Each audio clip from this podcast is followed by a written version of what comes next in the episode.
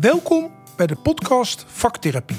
Mijn naam is Bram Bakker en ik praat met dokter Martine de Witte, onderzoeker, wetenschapper en muziektherapeut.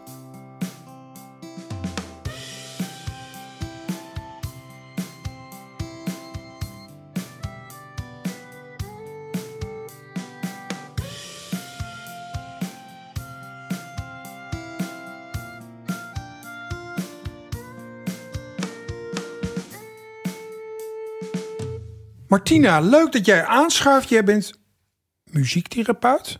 Of, of noem je jezelf niet zo? Uh, dat klopt, ik ben zeker muziektherapeut. En daar is het uh, allemaal mee begonnen.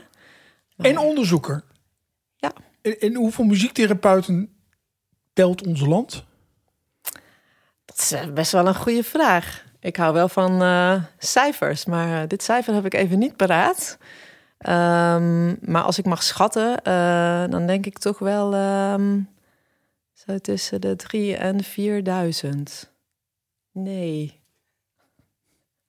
Maakt niet uit. Hoeveel, hoeveel, hoeveel muziektherapeuten doen er aan onderzoek in Nederland? Dat, dat lijkt me best bijzonderder. Uh, ja, er doen niet zo heel veel muziektherapeuten aan onderzoek. Uh, maar er komen wel steeds meer onderzoekers bij die zich richten op uh, ja, iets wat met muziektherapie te maken heeft. Um, en dat zijn niet per se altijd de muziektherapeuten zelf. Uh, maar er komen ook steeds meer bijvoorbeeld psychologen die dit uh, onderwerp uh, gaan onderzoeken. En, ja, Ga, gaat, het, gaat het goed daarmee? Met, met het onderzoek naar muziektherapie? Ja, wereldwijd gaat het heel goed. In Nederland kan het nog wat beter. Er mogen nog meer onderzoeken plaatsvinden. of samenwerkingen met andere landen worden opgezocht. Maar lo lopen wij achter? Of is dat weer veel te oneerbiedig? Um, nou, we lopen niet per se achter, maar um, als je kijkt naar het academische veld, zeg maar, dan is, ne dan, um, is het in Nederland nog niet uh, zo dat er een leerstoel uh, muziektherapie is uh, binnen een univers Nederlandse universiteit of een onderzoeksgroep wat zich puur richt of, op, op muziektherapie of van andere vaktherapeutische discipline. Hè, want muziektherapie is een van de vaktherapieën ja. in Nederland. En uh, dat mag zeker, uh, uh, wat mij betreft, gestimuleerd worden dat het in de toekomst wel zo is. Hey, en heeft dat ook te maken met dat vaktherapie zich het meest afspeelt op HBO-niveau? Dus de meeste vaktherapeuten hebben niet een universitaire opleiding. Ja, ik denk zeer zeker dat het in Nederland uh, uh, daar zeker mee te maken heeft. Dat het een, inderdaad, uh, wij een, een, onderwijsstructuur hebben waarbij de bachelor professional opleidingen veelal gesitueerd zijn in, in HBO's, in de hogescholen. En wat je bijvoorbeeld in het buitenland ziet, is dat die bacheloropleidingen en de masteropleidingen, ja, beide zich in het academische bevinden. En dus automatisch ook ja, onderzoekers uh, worden daar opgeleid. En uh, daardoor ontstaan er ook onderzoeksgroepen en leerstoelen. En uh, ja, daar kunnen wij natuurlijk in Nederland ook van profiteren. Dus wij gebruiken ook deze onderzoeken om ons werk mee te onderbouwen. Want ons werk is niet heel anders dan in andere landen natuurlijk. Maar het mag in Nederland zeker nog een boost krijgen. En, en zou het dan niet ook helpen als, als vaktherapieën meer universitair worden? Want je moet toch universitair geschoold zijn om een proefschrift te mogen schrijven? Ja, dat klopt. Ja, dat helpt zeker mee. En wat je nu ziet is dat er ook uh, diverse masteropleidingen uh, uh, ontwikkeld zijn de afgelopen ja, 10 à 15 jaar. dat is een hele, ja, hele mooie ontwikkeling wat mij betreft. Want ik denk dat daardoor ook ja, steeds meer vaktherapeuten ook geschoold worden in het doen van onderzoek. Maar ook niet alleen het uitvoeren ervan, maar ook het kunnen beoordelen van ja, onderzoeksartikelen of het kunnen toepassen van onderzoeksresultaten direct in hun eigen werk. En ja, dat helpt zeker mee uh, uh, ten behoeve van de professionalisering uh, van de vaktherapie. Ja. Hoeveel plekken in Nederland kun je muziektherapeut worden? Um, even uit mijn hoofd. Um, 1, 2, 3. Ik denk dat er ongeveer vijf à zes plekken zijn waar je muziek, of, vaktherapie, muziektherapie kan studeren. En, en, en, gaat het goed zeg maar, met de aanwas? Willen, willen er veel mensen muziektherapeut worden? Um, ik ben zelf uh, uh, momenteel werkzaam op de Hogeschool van Arnhem en Nijmegen. En wat ik daar zie is dat, uh, ja, dat het zeker dat er heel veel aanwas is. En heel veel nieuwe studenten elk jaar naar de hang komen om muziektherapeut te worden. Hey, en ik, ik, stel me even een hele domme vraag. Maar ik hou heel erg van muziek, maar ik ben niet per se muzikaal. Is, is, is, is het een vereiste dat je, dat, je, dat je muzikaal bent om muziektherapeut te worden? Ja, het is wel een beetje vereiste natuurlijk. Um, het doel is natuurlijk niet dat je een uh, heel goed muziek uh, gaat uh, leren spelen of dat je een uitvoerend mu muzikus wordt. Maar het, doel is wel dat je de muziek op de juiste wijze kunt toepassen um, de gezondheid van mensen te verbeteren. En daardoor heb je wel skills nodig. Dus je hebt zeker wel, ja, je muzikale skills moeten wel op peil zijn. En er is ook een selectie um, ja, uh, voorafgaand uh, dat je kunt inschrijven voor uh, de opleiding, moet je selectie doen. Dus dan, wordt moet je iets, iets muzikaals laten horen. Ja, ja. En, ze, ja, en daarnaast is er nog een interview om te kijken of je ook ja, voldoende kunt inleven in andere mensen. voldoende het idee hebt van, goh, het gaat niet alleen om het muziek maken, maar het gaat ook om de methodische toepassing. Dus het stukje psychologie, maar ook het toe, ja, toepassen van medische kennis. Zouden ze bij artsen ook wel eens mogen doen? Een beetje een selectiegesprek of je een beetje in staat bent om, om, om een aardig gesprek te voeren en een beetje te verplaatsen in iemand anders. Nou, dat vind ik nou ook. Ja, toch? ja. Nee, maar dat klinkt heel zorgvuldig. Ja. Maar ik zou het dus niet halen. Uh, ja, dat hangt er vanaf uh, wanneer je het wil gaan doen. Als je zegt ik wil het over een jaar doen, dan uh, zou ik zeggen ga heel hard oefenen op de piano of neem heel veel zanglessen en dan gaat het misschien lukken. Dus je hebt echt een muzikale onderbouw nodig. Zeker, ja. Ja. Nou, dat is interessant, want academisch heb je natuurlijk vaak dat het vanuit het hoofd wordt geleerd. He, dus dan wordt het volgens mij op het niveau van, van hard rock uh, raak je niet ontspannen. Ja. En al die profsporters die dan met een koptelefoon in de voorbereiding met ja. die doen het niet goed. Dat is zeg maar wat ik er vanuit de sportpsychologie van mm -hmm. weet. Maar dat, dat is natuurlijk ver verwijderd van. Ja. Van de praktijk. Ja. Ja. En, en, en hoe, hoe ging jij toen onderzoek doen? Wat, wa waardoor dacht je, nu wil ik er een proefschrift over schrijven? Ja, leuke vraag. Uh, want dat komt echt voort vanuit de praktijk. Ik ben namelijk uh, fulltime muziektherapeut geweest. Ik denk ongeveer 12 jaar. Uh, daarna parttime. Maar ik heb met mensen met een lichte verstandelijke beperking gewerkt... die in de psychiatrie gedwongen opgenomen waren. forensische behandeling ondergingen. En um, ik werkte daar ja, met, met mensen dus die lichtverstandelijk beperkt waren en in een gesloten setting zaten en heel veel moeilijke dingen tegenkwamen door de dag heen. Um, en ze hadden, wat, ik, wat mij opviel, is dat er eigenlijk altijd vrij veel stress aanwezig was in deze uh, cliëntgroep. Of, ja, ze hadden gewoon last van dingen om zich heen die ze niet begrepen, um, plotselinge veranderingen, maar ook ja, hoe kom ik hier weer uit? Of wat moet ik doen om, om alles te verbeteren? En uh, dat overzicht hadden ze heel vaak uh, niet paraat. Dus ja, ik merkte dat er heel veel spanning zat. En dat je daardoor als therapeut, ik werkte vaak individueel... dat je eigenlijk ook niet toekwam aan het inzichtgevende stuk... wat vaak natuurlijk wel bij forensisch behandelen ja, hoort. En um, ik merkte eigenlijk, ik moest eerst werken aan die, aan die spanningsverlaging en de stressverlaging... En soms duurde dat een hele sessie of twee of drie sessies. En soms was dat gewoon de eerste tien minuten van, van de sessie. En kon ik daarna wel meer inzichtgevende oefeningen doen. Maar dan ging je eerst even wat zingen met ze of muziek maken? Ja, soms was het muziek luisteren. Uh, soms was het ook samen even op de piano gewoon wat, uh, uh, wat toetsen aanraken. En als muziektherapeut kun je er dan een basis onder leggen met akkoorden, waardoor het ja, samen eigenlijk een muziekstuk wordt. En ja, vanuit de theorie en de kennis die ik paraat had, wist ik natuurlijk wel uh, wat ik als therapeut dan moest doen om die spanning in het lijf te verlagen. Je weet dan dat die hartslag wat omlaag uh, moet. En je voelt eigenlijk al als je ze een hand gaf dat ze aan het zweten waren. Dus je, je merkt eigenlijk die arousal is veel te hoog. Dus wat doe ik nu om, om dat eerst even omlaag te brengen, zodat we daarna ja, nog verder kunnen ingaan? Uh, op bepaalde topics. En uh, ja, wat ik merkte bij de piano is dat ik een heel rustig tempo, dus met een hele lage beat, hè, met bepaalde mhm. bastonen ja. die in een laag tempo terugkomen, dat ja, op een gegeven moment uh, die personen echt rustiger werden. Dus dat ze ook echt merkten van, hey, dit is echt even een hele fijne ervaring en dit maak ik op de groep niet mee of in gesprekken lukt het me ook niet.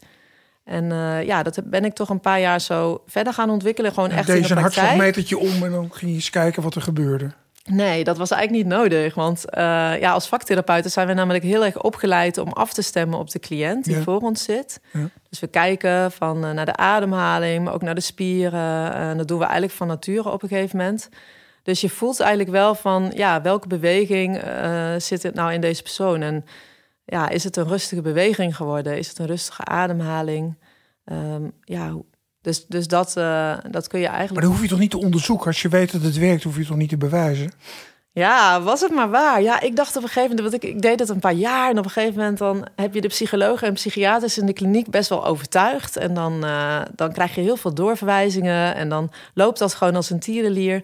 Maar buiten de kliniek, dan is er nog steeds een soort van sceptisch van... hé, hey, ja, die muziektherapeut, het is wel leuk hoor, zo'n therapie. Maar wat hebben die uh, die jongens en meiden er nou aan in die kliniek? Uh, moeten die niet gewoon uh, hè, met gewoon een harde aanpak of zo? waarom moeten die zoiets leuks doen als muziek? Dus ik merkte dat het eigenlijk buiten de kliniek dan ja, nog niet echt een basis had. En dat, ja, dat irriteerde mij op een gegeven moment ook wel. Maar ook bedreigend in de zin van beleidsmakers, politici en zorgverzekeraars die, die het niet serieus namen? Ja, continu. En daar hadden wij in de kliniek ook last van. Want dan had je weer een nieuwe manager of een nieuwe directeur van de instelling. En die hadden dan weer... Ja, dan moet het allemaal weer anders. En de bekostiging, dat gaat veranderen volgend jaar. Dus, Martina uh, wordt een beetje duur, want die heeft al zoveel dienstjaar. Ja, nou ja, en als je dan iets minder wilde werken of zo... omdat ik ook nog andere dingen wilde doen... dan werd er weer geen vervanger gezocht. Dus je merkte wel van, ja, je moet altijd wel strijden... voor, uh, voor je vak en voor je inhoud. Terwijl het wel ja, op heel veel plekken in heel veel klinische settingen zijn gewoon heel veel vaktherapeuten aan het werk. En doen ze elke dag gewoon uh, ja, hele nuttige dingen natuurlijk. En de mensen die daaromheen staan, die zien dat wel. En de cliënten merken dat en andere professionals. Maar ergens ja, moet je altijd jezelf bewijzen en moet je altijd. Uh, ja, maar, maar, maar, ben je dan zo'n strijder dat je dacht, dit ga ik doen? Wat ja. is interessant. ja, ik ben best wel een strijder, denk ik. En uh, ik hou ook wel, uh, ik ben ook wel een vrije denker in die zin. Dat ik ook wel denk, ja, niks is onmogelijk en uh, let's go. Want had jij, had jij een vraag? Hè? Je, kan, je kan natuurlijk een vraag hebben en uit nieuwsgierigheid onderzoek gaan doen. Maar dit klinkt niet als dat het zwaarste motief was, maar het motief van ik wil laten zien dat wat ik doe en nut heeft. Ja. ja, nou beide wel een beetje. Ik merkte natuurlijk, ik zat wel heel erg op dat stresstopic, want uh, wat mij heel erg puzzelde namelijk is na, uh, ja, dat je doorverwijzingen krijgt van een van een hoofdbehandelaar en dat ging heel vaak ja deze persoon die moet zijn emoties leren reguleren. Emotieregulatie, dat woord, dat was een beetje een modewoord, vond ik wel in het forensische. Van ja, ja daar schort het eigenlijk altijd aan bij al die uh, cliënten. Dus uh, nou, ga maar naar de muziek, want muziek is emotie. Dus uh, ja, en toen merkte ik, ja, ik ben helemaal niet met emotieregulatie bezig. Want dat is natuurlijk best wel ja, een cognitief proces, omdat je dan bewust bent van je gevoelens, je herkent ze, je kunt ze uh, duiden en dan ga je proberen daar een, een, manier voor te vinden om daarmee om te gaan. Maar, maar emotieregulatie is toch gewoon een eufemisme voor stressmanagement? Nou ja, dat was dus. Ja, nou, dat is precies wat ik wilde zeggen. Ja. Dus ik merkte, ik zat heel erg op dat stressmanagement stuk. En ik was ja. helemaal niet bezig met wat voel je nou precies. Maar ik was veel meer met die spanning bezig. En ja. dat hele basale eigenlijk. Dus ook het, uh, het richten van de aandacht. En uh, ja, dus, dus uh, omdat ik echt merkte dat, dat vooral mensen met een licht verstandelijke beperking... die hebben al drie tot vier keer meer last van stress dan mensen zonder verstandelijke beperking. Uh, en ze hebben gewoon minder mogelijkheden in een samenleving als deze. Dus ze hebben veel meer stress. Dus ik dacht, ja, als ik da daar nou iets mee ga doen, heb ik een uniek topic eigenlijk. Um, en ook waar in de geestelijke gezondheidszorg eigenlijk nog niet echt een antwoord op is, op die stress, uh, ja, regulatie bij mensen met, een, met cognitieve beperkingen. En uh, ja. En muziektherapie bij mensen met niet beperkingen. Is, is dat onderzoek er wel? Ja, er zijn heel veel onderzoeken wel. Uh, bijvoorbeeld uh, voor mensen met uh, depressieve stoornissen of angststoornissen. Daar zijn best wel veel studies al naar gedaan. maar niet specifiek voor mensen met een lichte verstandelijke beperking. En je kan natuurlijk ook. Toen ben ik eigenlijk gaan omdraaien van ja, er is ook geen bewijs dat de vaktherapieën, in deze dan muziektherapie, um, bij mensen met een licht verstandelijke beperking of bijvoorbeeld ook mensen met een dementie anders werkt dan bij mensen zonder die beperking. Dus eigenlijk is er geen bewijs dat het anders inwerkt op het brein of op het systeem of op het lijf. Ik dacht, ja, dan hoef je dat eigenlijk ook niet per se te bewijzen voor, een, ja, voor die doelgroep. Maar het lijkt mij helemaal vanuit, vanuit mijn lekenverstand dat mensen met een verstandelijke beperking nog meer baat hebben bij niet-verbaal benaderd worden. Toch? Ja, maar ja, je zegt wel iets wel. Uh, ja, als je, als je snappertje niet zo groot is. Dan, ja, precies. Zo noemen ze dat in Amsterdam, het snappertje. Ja. dan, dan, moet het via het lijf. Ja, dan moet het zeker via het lijf. Ja, alleen dat is dus heel vaak in de klinische setting nog niet uh, iets wat, uh, ja, wat, wat zo in het systeem zit, van de in, de, in de behandeling zit. Er wordt nog steeds heel veel gepraat en Ja, en misschien hebben die mensen dus wel meer stress omdat ze niet zo goed zijn in praten. Ja, en omdat, denk ik, ook als jij eh, een gesprek hebt, bijvoorbeeld met je behandelaar, en je, hebt, ja, je zit daar al omdat je iets eh, fouts hebt gedaan. eh, en die gaat daar steeds weer over beginnen. En ja, die wil natuurlijk een soort risicoanalyse maken. Je moet het steeds maar weer uitleggen wat je ergens wel vindt en hoe je dan de toekomst ziet. En ja, dan wordt op een gegeven moment natuurlijk ook, dat is helemaal niet plezierig om daar continu op die manier mee bezig te zijn. En het is ook, je, je zit, ja, je zit ook niet in het nu. Je bent bezig met iets wat gebeurd is of Ja. met iets wat nog moet komen. En wat zo mooi is aan muziektherapie, is dat als je in die muziek zit, je maakt muziek samen, je bent bezig met bijvoorbeeld ja, die stressregulatie, dan zit je echt in het nu. Dus Dan je valt bent, alles eh, weg. Dan valt alles even weg. En die ervaring, de- ja, dat is hetgene waar je in de th- therapie mee werkt. De, de parallel met mindfulness dringt zich op. Ja, dat kan ik me wel voorstellen, maar daar heb Wat ik wel een maar. verschil? Ja, doe het maar. Daar, gaat, daar gaat de vraag over, ja. Ja, ik heb zelf ook die cursussen gevolgd. Dus toen merkte ik zelf ook heel duidelijk het verschil. Dat je, ik vind eigenlijk mindfulness toch enigszins een cognitieve vaardigheid. Een soort training om je gedachten te laten gaan of eh, invloed te hebben daarop. En wat ik, MBCT, dan wordt het ook weer vergoed. ja, inderdaad. Mindfulness-based cognitive therapy. Ja. ja, dat klopt. En dat, kon, ja, en dat is bij muziek eigenlijk, eh, ja, dat element eh, hoeft daar niet per se in te zitten. Dat kan wel, maar dat hoeft niet. En eh, ja, daardoor is het bijvoorbeeld ook geschikt bij mensen met een ja, vergevorderde dementie. en, Ja, ben je bij Erik Scherder gepromoveerd? Want dat is volgens mij de grote promotor van muziek bij oudere mensen. Ja, nee, ik ben niet bij Erik gepromoveerd, maar bij Geert-Jan.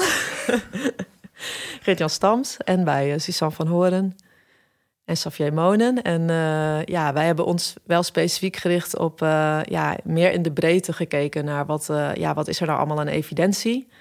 Dus ik ben ook... Ben je begonnen met een, met een meta-analyse? ja, Een, een Ja, overzichtsartikel, Ja, Bram schreef ook ooit een proefschrift. Ja. Ja. ja, en ja, meta-analyses, dat ja, vind ik eigenlijk nog steeds wel heel erg leuk. Daar ga ik ook mee verder. Want dat ontwikkelt zich ook natuurlijk steeds verder qua technieken, statistische technieken. Ja. En nog steeds, ja, het is natuurlijk, je kan daar van alles van vinden, maar het is helaas nog steeds een gouden standaard als het gaat om het eh, aandragen van evidentie eh, voor interventies in de gezondheidszorg en eh, om bekostigd te gaan worden. Maar ging je een onderzoek doen met een controlegroep? Eh, nou ja, nee. Ik heb eh, eigenlijk eh, voornamelijk gekeken naar eh, ja, welke type controlegroepen zijn er. Dus ik heb vooral gekeken naar bestaande evidentie. Want als het gaat om muziekinterventies, dan is er wereldwijd ontzettend veel onderzoek gedaan. Ik viel bijna van mijn stoel Ja? toen ik begon. Want ik dacht, nou, ik begin inderdaad met een meta-analyse, zoals elke promotie begint. En dan als ik 15 studies heb, is het al aardig, weet je wel. Nou ja, ik kon dus 104 eh, RCT's includeren. Dus dat, is, eh dat hadden we echt allemaal niet verwacht. Randomized clinical trials. Ja, Voor de leek, ja. Ja, Dus, ja. dus ja, onderzoek met een controlegroep. juist. En hoeveel van die 104 waren er Nederlands? Ehm, eentje. Ja, in, het medische, in de medische setting. Dus het, het betrof ook geen muziektherapie. Maar het betrof een muziekinterventie in het ziekenhuis. Waar veel mensen met stress komen die medische procedure moeten ondergaan. Dus ze doen, ja, ook in die settingen wordt onderzoek naar muziek gedaan natuurlijk. Ja, pre-operatief ook, Ja, hè? heeft ja. het effect. Nou, die, die studies heb ik ook allemaal bekeken. Omdat eh, ja, dat stresslevel is eigenlijk niet een heel ander stresssysteem dan in de GGZ. Of als je thuis bent en je hebt gewoon eh, veel stress van je werk. Dus ik heb eigenlijk alles bij elkaar bekeken. En ook gekeken van... eh, ja, wat, wat zijn de effecten van een eenmalige interventie? Maar wat zijn ook de effecten als je het vaker aanbiedt? En, en, want het gaat allemaal over de HPA's, hè? over de stressas. Ja, ja, onder, ja het is wel... Het, Ging je dan cortisol meten? Of ging je met vragenlijsten? Of stop je ze in een scanner? Wat? Nee, eigenlijk ehm, is het advies om altijd eh, te kijken naar de zelfrapportage van hoe ervaren mensen eigenlijk eh, die stress hebben. Ze, hoe, hoe beschrijven ze dat? Dus ook wel inderdaad eh, vragenlijsten. En eh, aan de andere kant altijd ook wel eh, ja, die, die, die eh, fysiologische responses mee te nemen. Dus niet alleen cortisol. Uitgeleiding.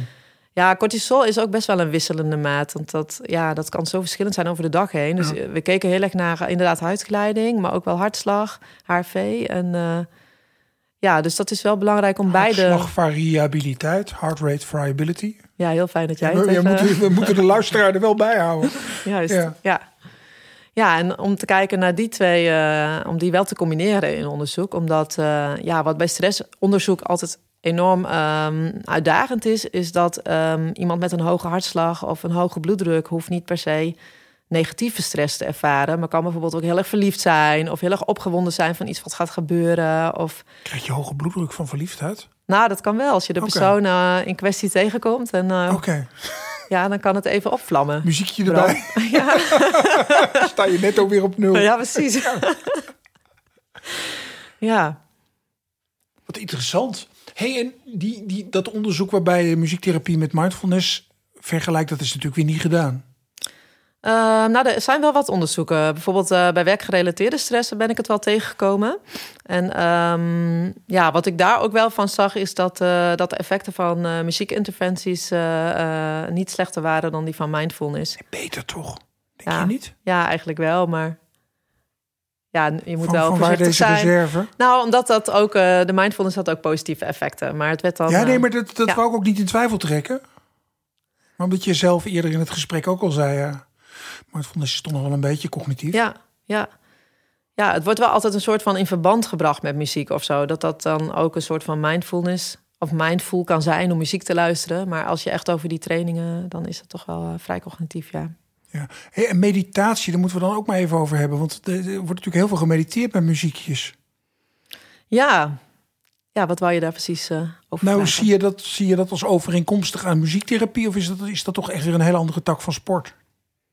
Uh, nou ja, dan heb je het eigenlijk over de receptieve muziektherapie. En dat betekent dus dat je luistert naar muziek en dan die muziek op je in laat werken en dat dat dan een bepaald effect he heeft. Of dat echt hetzelfde is als een meditatief effect. Uh, het, hangt denk ik een beetje af met het doel uh, waarvoor je het inzet. Een muziektherapeut zal niet per se uh, meditatie als doel hebben, maar die wil misschien wel, die, die kiest wel heel zorgvuldig de muziek uit. Uh, om bijvoorbeeld een patiënt rustiger te maken of ja, ja. te ontspannen. Hey, en nu heb jij, je hebt, je hebt dus bewezen dat het, dat het in deze doelgroep heel goed werkt, die muziektherapie. Ja. Zeg ik maar even heel kort door de bocht samengevat. Heb je ook dingen ontdekt waarvan je denkt, nou, dat, dat geldt voor de gehele mensheid, ook voor de niet cognitief beperkte, de niet beschadigde, maar normale, tussen aanhalingstekens, mensen? Ja, eigenlijk mijn bevindingen die zijn eigenlijk van toepassing op, uh, op de mens. Dus het, het, wat ik eigenlijk eerder al, al eigenlijk ook bedoelde, is dat, uh, dat een, een, een, cognitieve beperking. Er is geen bewijs dat muziek anders werkt bij deze groep mensen. Mm -hmm. Dus eigenlijk, uh, ja, wat muziek doet met je, uh, dus het ontspannende. Um, er is ook een psychologisch afleidingseffect. Dus als jij bepaalde muziek luistert, dan heb je vaak een associatie waardoor je ja, waardoor je afgeleid wordt van de stress of Ja. de vervelende gedachten. Ja. Dat werkt eigenlijk bij iedereen op dezelfde manier. Zelfs als je al heel ver gevorderd eh, dementie hebt, dan, dan ehm, ja, krijgen, krijgen deze mensen vaak nog een associatie, waardoor ze weer heel even iets benoemen of iets, een herinnering wat even opkomt. En dan zitten ze weer even in dat moment. Dus dat is ook een heel sterk effect van muziek, wat eigenlijk bij iedereen op die manier werkt. Uh, en daarnaast heel belangrijk is dat, uh, dat er wel uh, onderbouwing is en ook evidence is dat de hartslag van de mens op een gegeven moment synchroniseert met de beat van de muziek. En dat is niet altijd bij iedereen in hetzelfde tempo, maar het, het is wel dat daar een link zit. Dus op een gegeven moment, als je wat, ja, wat langer naar een bepaalde tempo in de beat luistert, dan gaat jouw hart zich daarop aanpassen. Maar dat is jouw vak dat je ook weet bij welke muziek dat werkt. Ja, Want als ik, ik ga hardlopen met muziek op, dat wordt een ramp, joh. Want dan bij ieder nummer ja. verandert mijn frequentie. ja Dus je moet ben- daar wel goed naar kijken. Ja, toch? Ja, ja, dus anders, eh, ja, bijvoorbeeld als je wil ontspannen, dan eh, zou ik aanraden om niet een heel uptempo nummer te kiezen, maar echt te kijken van, nou ja, je kan je horloge, als je een horloge hebt met een secondenwijzer, dan is Mhm. eigenlijk de secondenwijzer is een beetje de gemiddelde hartslag van de mens als die ontspannen is, Ja. 60 tot 80 Ja. Beats per minute. Dus als je dan muziek luistert en je probeert mee te tikken met je voet en je voet gaat eigenlijk op hetzelfde tempo als die secondenwijzer, dan weet je dat, ja, dat je wel goed Dan zit. zit je goed. Ja, Want het, het, muziek kan natuurlijk ook averechts werken. Je kan je ook helemaal laten opnaaien Ja. door muziek. ja. Ja, inderdaad. Met, met van die dop op je oren en dan Ja. het volume te hoog en dan... Ja.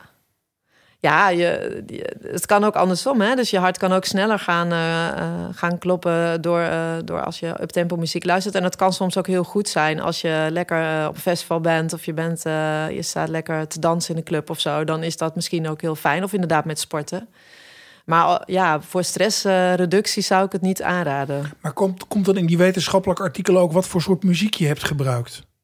Nee, dat, dat, daar is niet echt iets voor te zeggen. Omdat uh, ja, als het over muziek gaat, zit er ook een component in van waar mensen uh, van houden. Of wat ze vroeger als kind veel hebben geluisterd. Uh, er zit ook een cultureel aspect in. Iets van conditionering. Ja, ja er zit een, een, een, bijvoorbeeld mensen die in Oosterse landen zijn opgegroeid, die hebben toch een ander idee bijvoorbeeld van klassieke muziek dan wij hebben. Ja.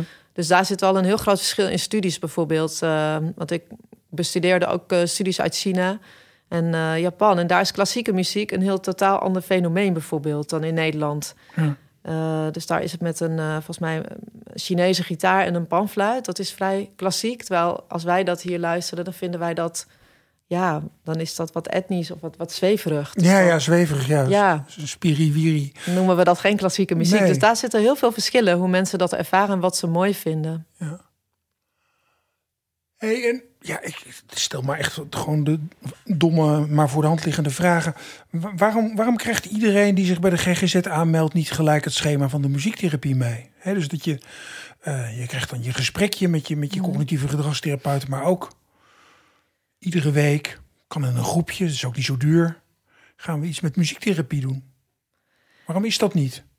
Ja, dat, dat, dat, dat, dat vraag ik mij dus ook heel vaak af. Omdat uh, nou, het is op, op heel veel plekken ook wel. Dus het is uh, misschien wel goed om dat te zeggen. Maar het is ook op uh, heel veel plekken nog niet toegankelijk. Er zijn GGZ-instellingen waarbij ze dat wel als standaard ja, in... Ja. Oh, wat goed. Ja, er zijn best wel veel instellingen waar gewoon wel muziektherapeut is. Het is natuurlijk enig, ja, enerzijds ook een beetje geografisch bepaald. Want uh, wat ik omdat, omdat ja, als je één keer ergens zit als muziektherapeut, dan, um, ja, dan heb je daar gewoon je plek en dan doe je je ding. Maar het is niet zo dat elke instelling, bijvoorbeeld net als dat ze standaard een, een, een arts, een psycholoog uh, moeten, allemaal in dienst moeten hebben, dat ze ook standaard een muziektherapeut uh, in dienst moeten hebben.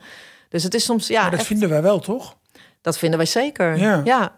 ja. dat het gewoon toegankelijk is voor de mensen die, die dat nodig hebben en uh, die, bij wie die behandeling ook het beste, beste werkt. Is, is, dat dan, is dat dan eh, de achterliggende drijver? Dat Martina gaat laten zien dat er veel meer te doen is met muziektherapie dan, dan we denken?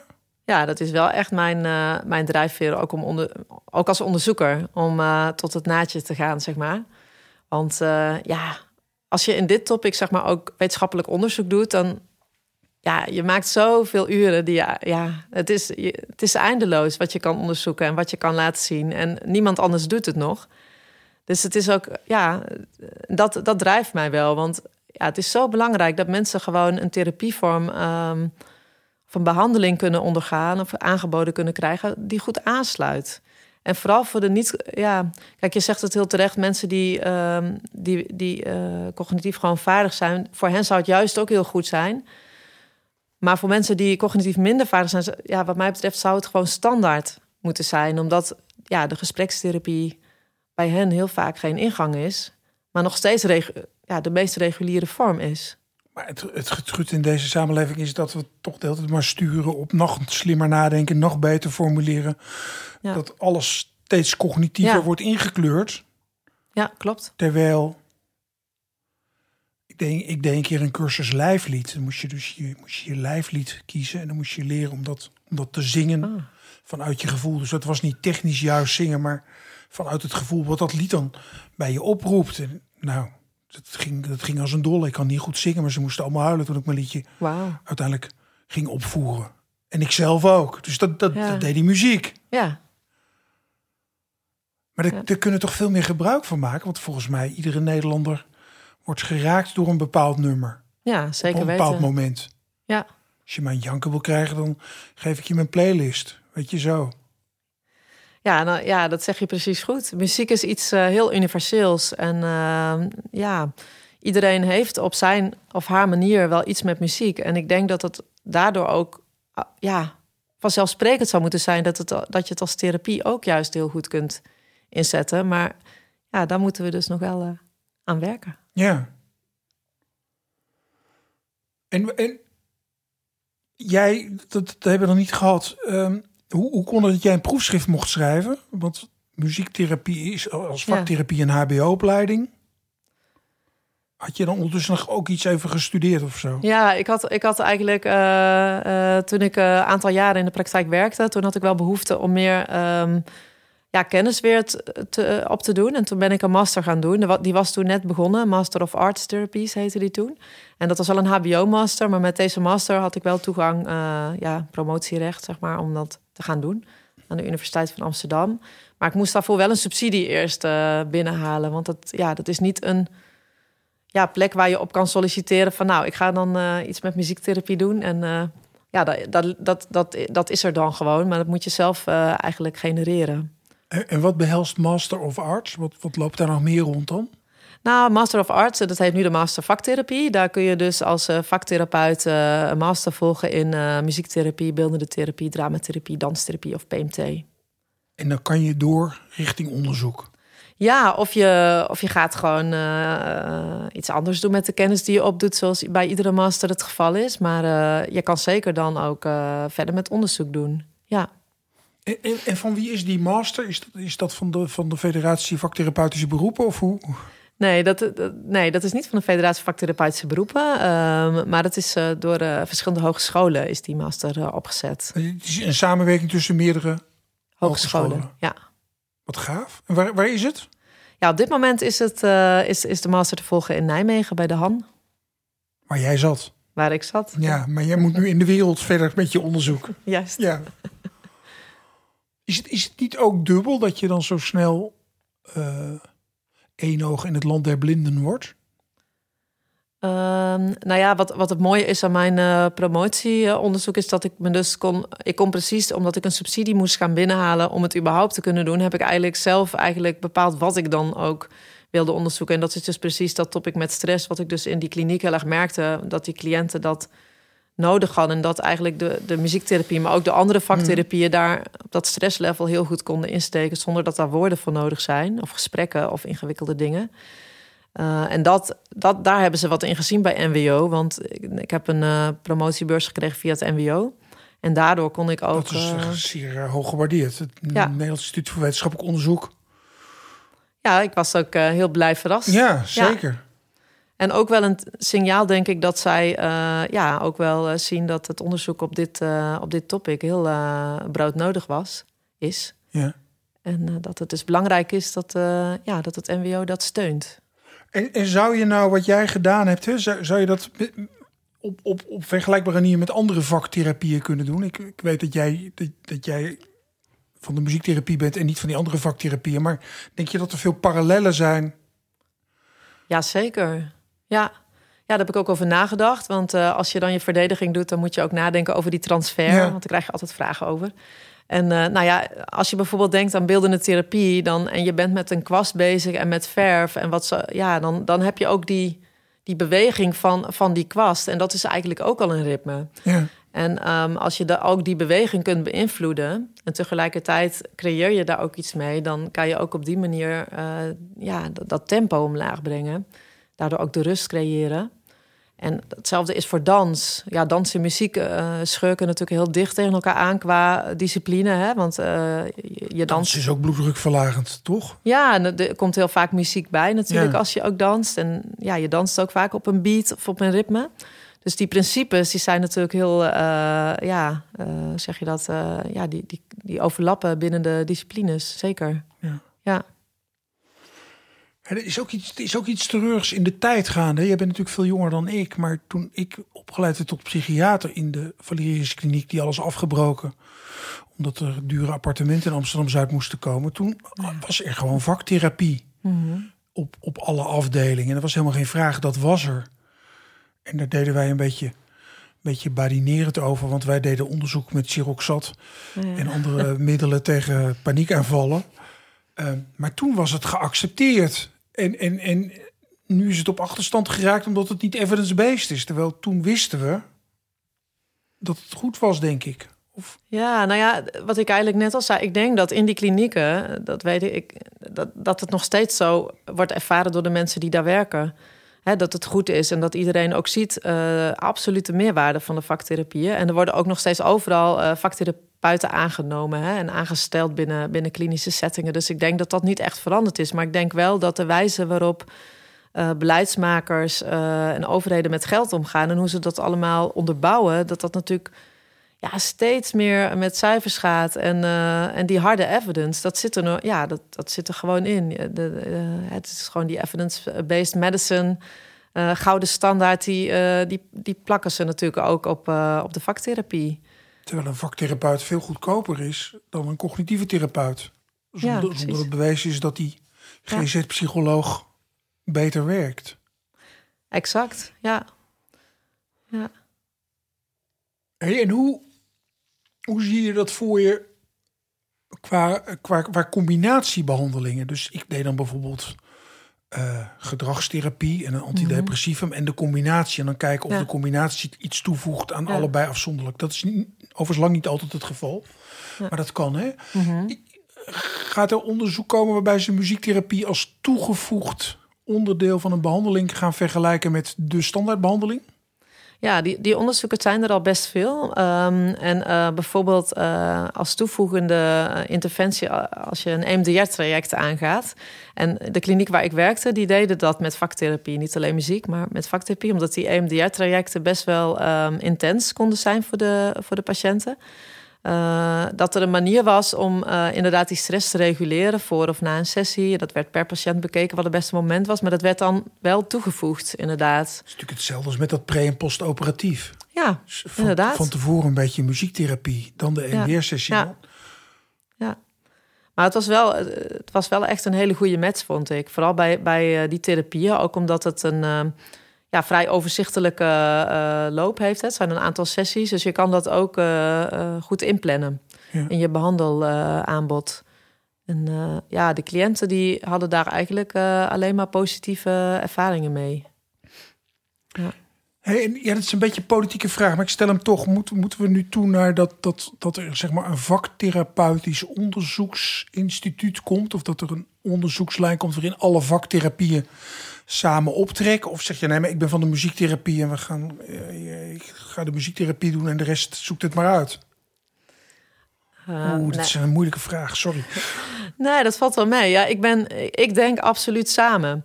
Um, ik, ik ben ook uh, internationaal uh, met een groep internationale onderzoekers bezig. Met, samen met WHO zijn we bezig um, om, om te kijken naar de evidence van eigenlijk alle creative arts therapies, zoals het dan internationaal heet. Uh, en wat de evidentie daarvan is. En um, ja, in dat project uh, trekken we samen op. Omdat je dus, uh, ja, weet je, het, het, is natuurlijk wel zo dat binnen muziektherapie is natuurlijk best wel heel veel onderzoek gedaan wereldwijd. Mm -hmm. En ja, in alle landen ter wereld wordt daar onderzoek naar gedaan. Dat is best wel heel bijzonder. En dan kan je natuurlijk zeggen van ja, dan kunnen we beter uh, apart verder gaan. Maar ik denk juist van niet. Want het is gewoon. Um, kijk, muziek is al veel langer een soort van vorm die overal uh, wordt uitge, uh, of uitgeoefend. Oude wijsheid is het. Het is oude wijsheid, ja. ja. En het is, het is gewoon ook een beetje zo van waar is in geïnvesteerd qua onderzoek en waar zitten de.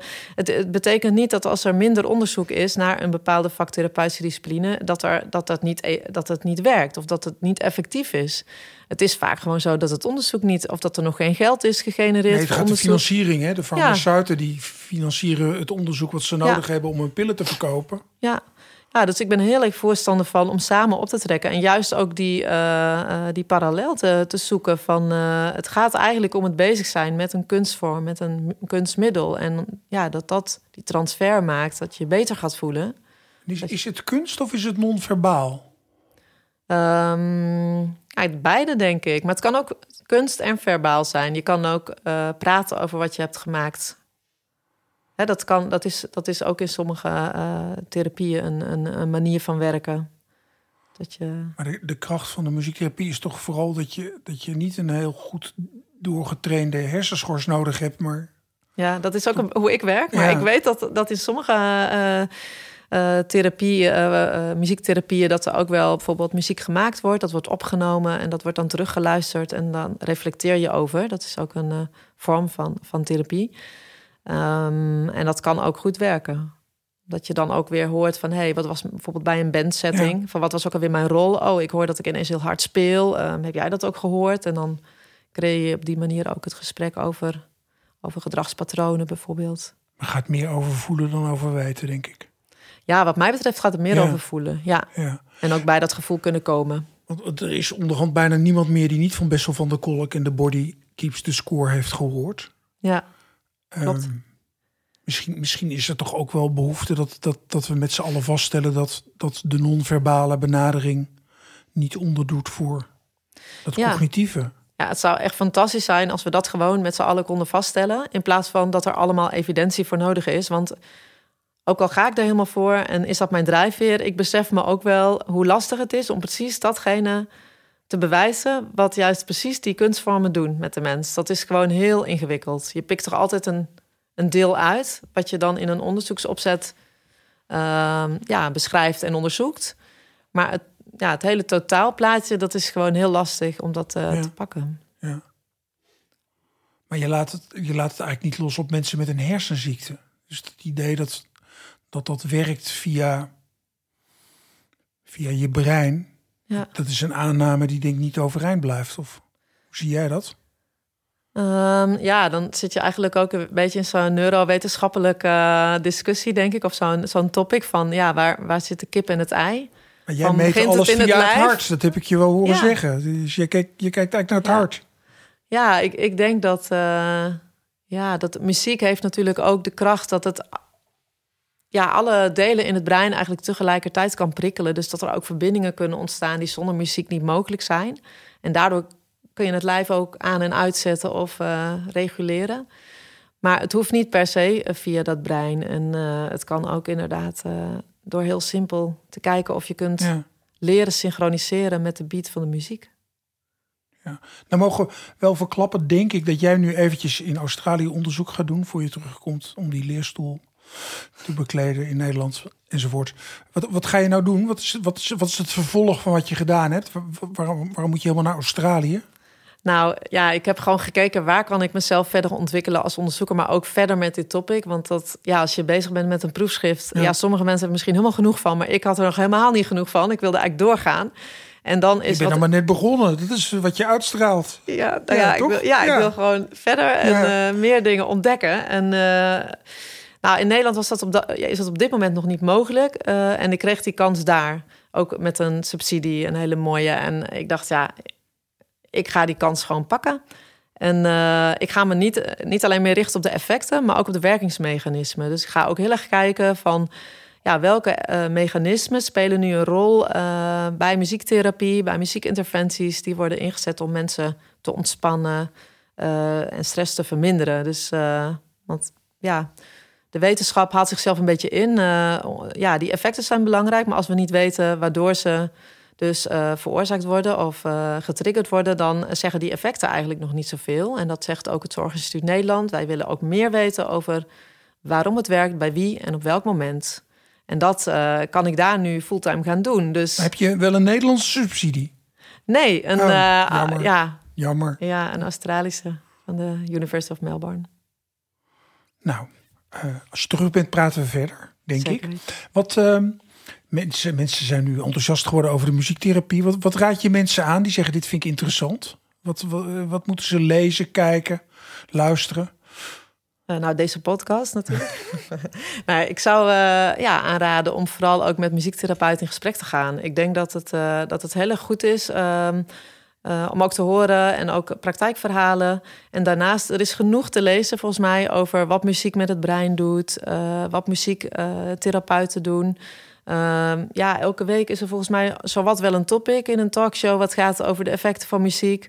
Waardoor fantastische wetenschappers zoals Erik Scherder... natuurlijk onder, uh, in het voetlicht uh, wordt gebracht. Dus ik, ik denk dat dat die, die combinatie... Wordt met pensioen gestuurd, dus die heeft dringend ja. opvolging nodig. Ja, of uh, ja, gaat hij echt helemaal ja, stoppen? mag niet meer. Als je boven de 70 bent, mag je geen nieuwe oh, promovendi meer aannemen. Ah, hij zal nog wel in een talkshow komen, denk je niet?